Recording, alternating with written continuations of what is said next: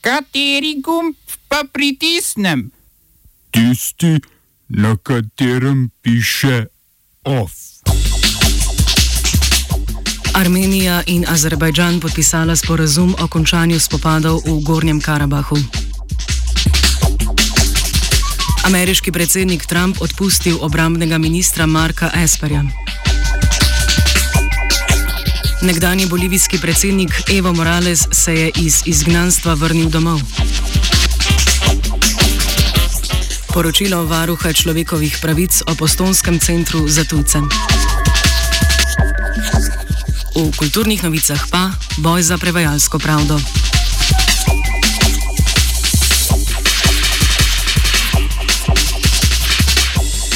Armenija in Azerbajdžan sta pod rusko koordinacijo podpisala sporazum o končanju vojaških spopadov v regiji Gorski Karabah.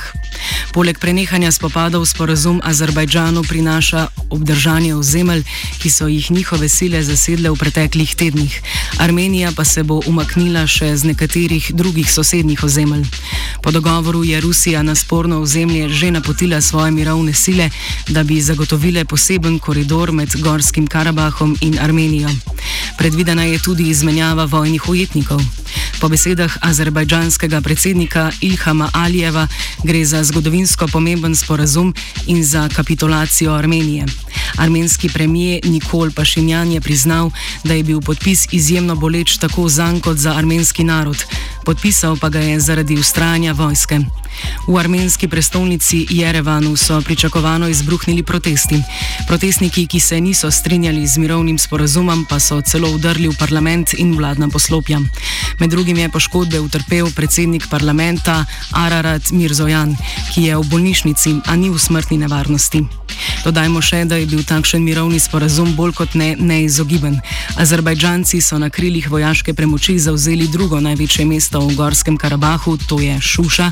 Spopadi pa so se na to že preselili na obrobje Stepana Kerta, največjega mesta tega spornega ozemlja.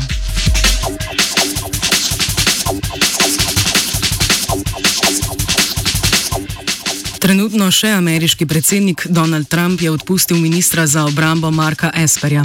Za vodjo Pentagona je predsednik imenoval dosedanjega direktorja nacionalnega protiterorističnega centra Christopherja Millerja. Odnosi na osi Esper-Trump so bili na trhlih nogah že vsaj od junija, ko Esper ni soglašal z napotitvijo aktivnih vojaških enot na ameriške ulice zaradi protirasističnih protestov. Ti so sledili v boju Georgea Floyda. Esper naj bi sicer že imel pripravljeno odstopno izjavo, a ga je Trump s potezo prehitel.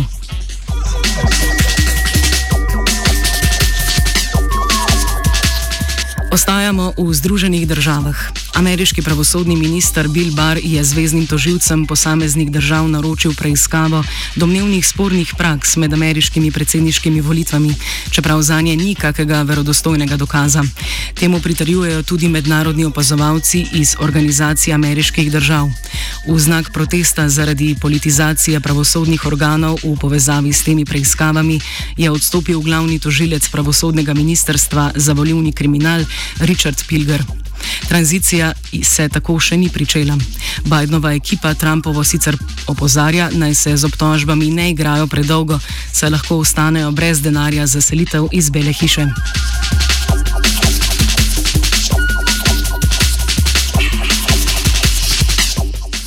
Perujski kongres je z veliko večino izglasoval nezaupnico predsedniku države Martinu Viskaraju, ki je, položaja, ki je odstavitev z položaja sprejel. Viskaraja so obtožili, da je še kot guverner pokrajine Mokuegua prejel 540 tisoč evrov vredno podkupnino od gradbenega podjetja.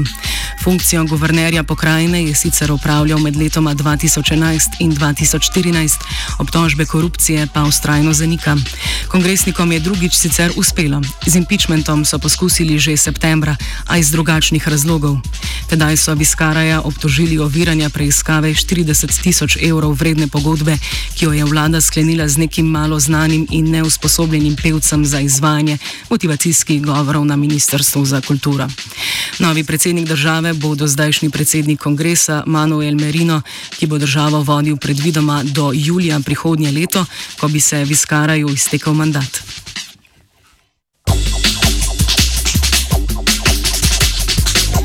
Na kratko še v perujsko jugovzhodno sosedo Bolivijo.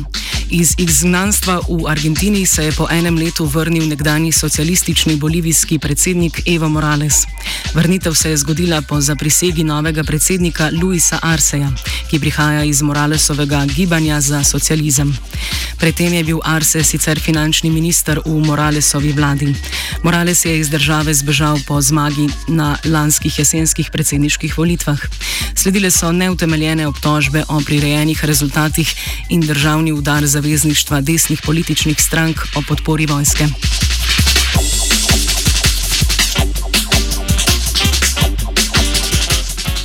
Odstopil je estonski notranji minister Mart Helme, član skrajno desne stranke IKRE položaja se je poslovil po izjavah, ki jih je uperil proti novo izvoljenemu ameriškemu predsedniku Joe Bidenu. Sinom Martinom, ta je finančni minister, sta v neki radijski oddaji družno in složno udrihala po Bidenu. Za izvolitev po njuno koruptivnega Bidena je kriva globoka država, rezultati volitev pa naj bi bili falsificirani. Mart Helme se je po teh izjavah, ki jih je estonski premijer Juri Ratas označil za absurdne, odločil, da se z ministerske funkcije umakne. Hojs, pardon, Helme je svojo potezo še podkrepil, s svojimi izjavami ni ogrozil estonske varnosti, hkrati pa je sit laži, ki jih širijo estonski mediji. Oba, če, če bom odgovoril na angliški.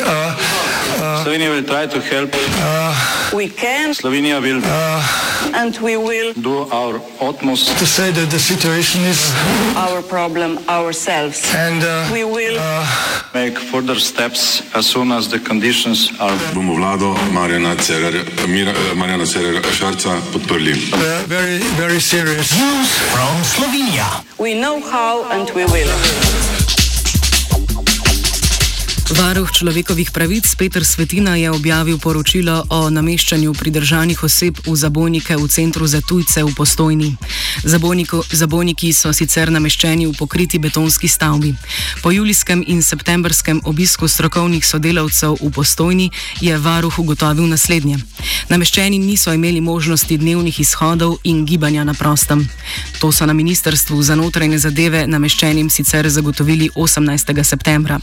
Ombudsman je ugotovil, da se ne vodi evidenca o trajanju nastanitve posameznika v zabojniku in še, da preteče preveč časa za evidentiranje posameznikove namere za uložitev prošnje za mednarodno zaščito.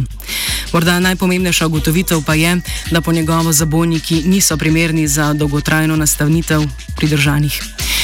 Nekateri so bili v zabojnikih nastanjeni več kot mesec dni.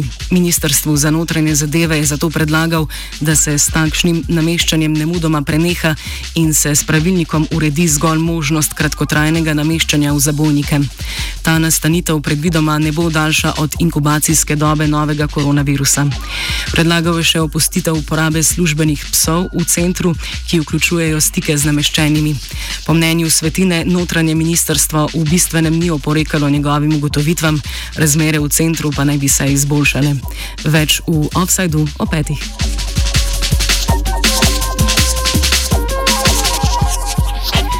Že v včerajšnjem OFU smo poročali o osnutku šestega protikoronskega paketa. Med gospodarskimi in socialnimi ukrepi pa se je znašel še sociološki. Za zakon o nalezljivih boleznih je namreč predvideno povišanje glob za kršenje ukrepov v času, ko je prepovedano ali omejeno zbiranje ljudi na javnih mestih. Kazen za posameznika, ki bi se z drugimi zadrževal na javnih mestih, bo po predlogu med 1000 do 10 tisoč evrov, prej bila med 400 in 4000 evrov. Za posameznike, ki spodbujajo k kršenju predpisov ali pa ki organizirajo zbiranje ljudi v nasprotju s predpisi, je predvidena kazen težka od 1500 pa vse do 15000 evrov. Predlogi sicer še niso usklajeni z zdravstvenim ministrstvom, če pa bodo, jih jutri čaka predstavitev javnosti in obravnava v državnem zboru.